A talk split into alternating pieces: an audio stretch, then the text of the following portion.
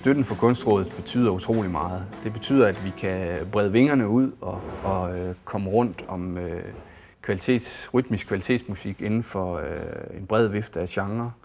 Øh, vi kan øh, begynde at satse på at, at, at øh, udvikle nyt publikum.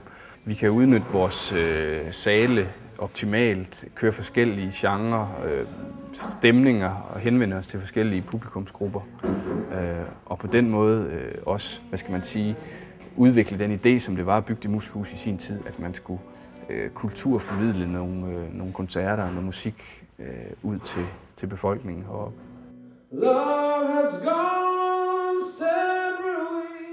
At stedet her er støttet betyder for mig, at øh, jeg får mulighed for at optræde i en anden forbindelse, end jeg nok ellers ville gøre.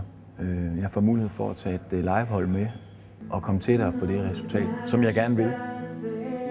Det bliver sådan et, et det samler hele oplandet, alle randområderne øh, her, at der er et, et, et kultursted, så, som, som er støttet og som dermed får mulighed for at få både store og små øh, navne øh, til byen. Og det betyder, at man ikke øh, igen er afhængig af, at det skal være nogle store celler, der, der kommer, men at kulturen bliver mere alsidig på en eller anden måde. Det unikke ved det musikhus øh, er primært, at, at der er så stor kulturpolitisk begejstring og opbakning i kommunen omkring huset. Og øh, det er også øh, strengt nødvendigt, når man skal udvikle en, en ny øh, måde at lave kultur på i et område. Vi øh, har stor øh, opbakning fra, fra kommunen, og vi har allerede gang i nogle spændende samarbejder med nabokommunen om at, at udvikle det rytmiske musikmiljø i området.